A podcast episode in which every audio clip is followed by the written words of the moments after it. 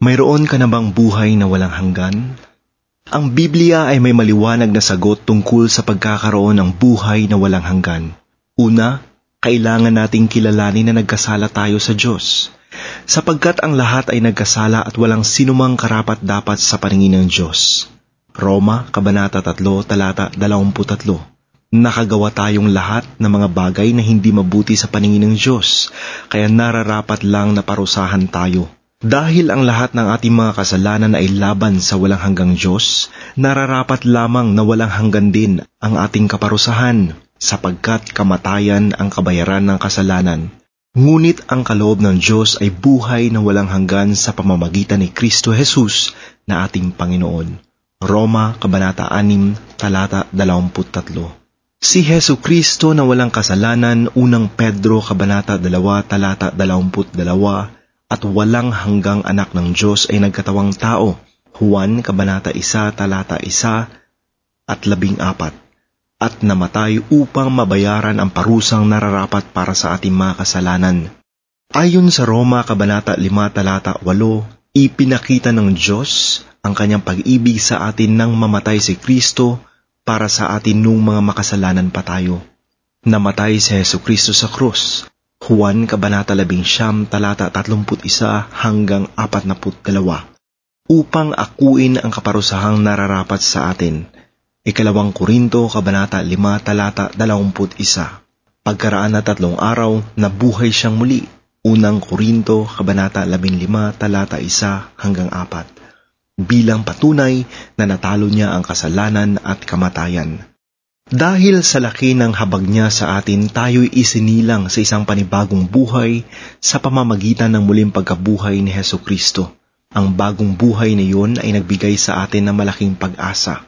Unang Pedro, Kabanata 1, Talata 3 Kinakailangang manampalataya tayo kay Heso Kristo at talikuran ang ating mga kasalanan mga gawa, Kabanata 3, talata 11, sapagkat kung sasampalataya tayo sa Kanya at magtitiwala sa Kanyang pagkamatay sa krus para sa kabayaran ng ating mga kasalanan, patatawarin ng ating mga kasalanan at bibigyan ng buhay na walang hanggan sa piling ng Diyos sa langit.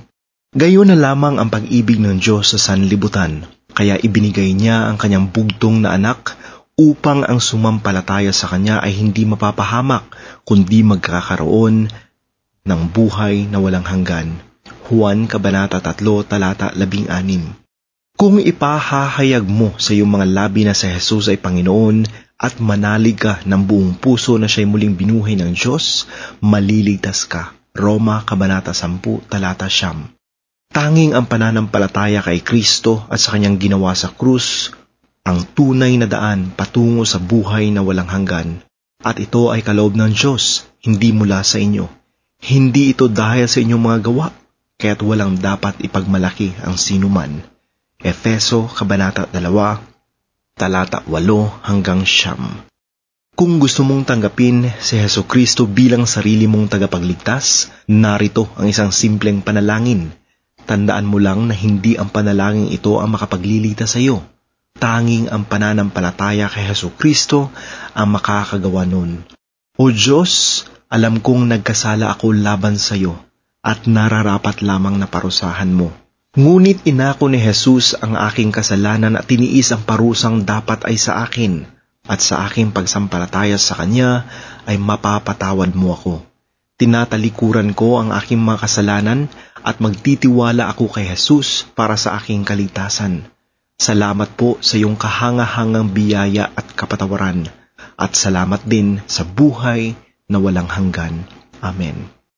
Ikaw ba ay gumawa ng desisyon para kay Kristo dahil sa iyong mga nabasa dito? Kung oo, i-click ang tinanggap ko si Kristo ngayon sa ibabang kahon.